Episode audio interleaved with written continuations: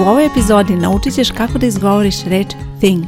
Da, to je ona reč koja pravi svima problem, a vidit ćeš kada naučiš pravilno da izgovoriš ovaj glas, tvoj engleski će zvučati mnogo bolje. Moje ime je Zorana Radović, ja sam profesor engleskog jezika i osnivač online škole English Lane.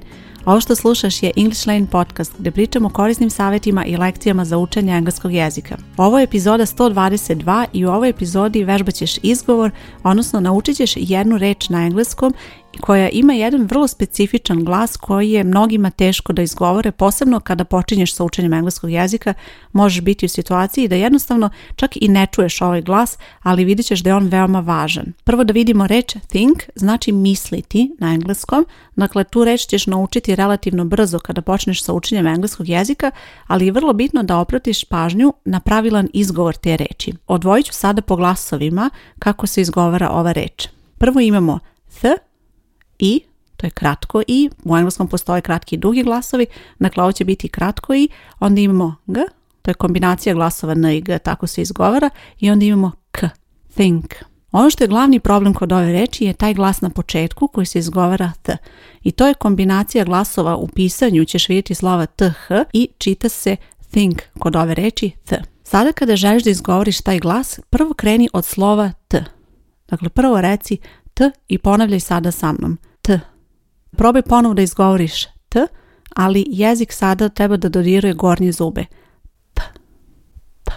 Ovo će ti pomoći da shvatiš gdje treba da bude jezik kada izgovaraš ovaj glas i sada probaj malo još da se opustiš kada izgovaraš ovaj glas i da sada to zvuči ovako. T. Dakle, nema potrebe da jezik bude skroz van, dakle samo treba da dodiruje gornje zube, znači vrhom jezika dodiruješ gornje zube i na taj način možeš da proizvedeš ovakav glas. Da.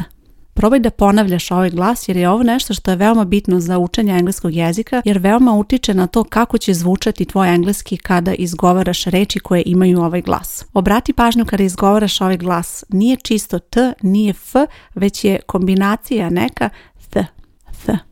I vrlo je bitno da kada izgovaraš ovaj glas ne treba previše da ga naglašavaš zato što to nije naglašen glas u reči i ne treba da se čuje jače od ostalih glasova, već vremenom treba da bude nešto što će prirodno biti deo tvog jezika, odnosno kad pričaš, tako da možeš da izgovoriš sasvim prirodno u okviru reči bez ikakvih problema i bez onako spoticanja, jer tada kada to radiš onda se čuje da previše naglašavaš taj glas. Moj predlog je da sada pauziraš ovu epizodu, da probaš par puta da izgovoriš ovaj glas, da provežbaš a zatim nastavljamo, čućeš nekoliko reči koje imaju ovaj glas i naravno probat ćeš da ih uvežbaš. Prva reč je thing, thing.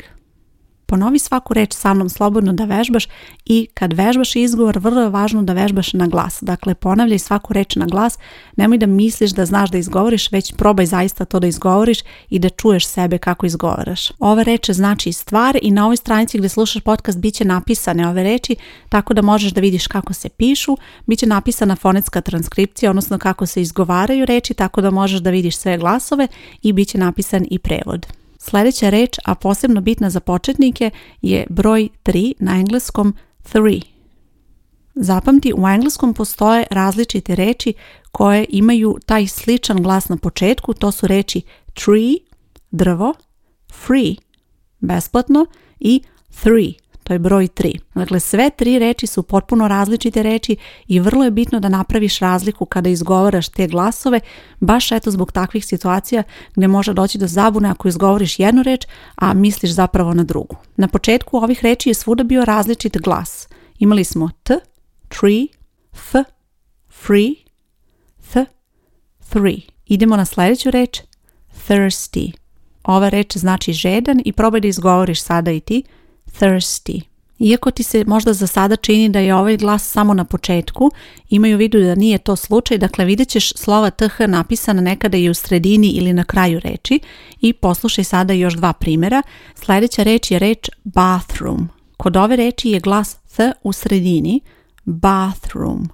Ova reč znači kupatilo i imamo još jednu reč, a to je reč month. Month.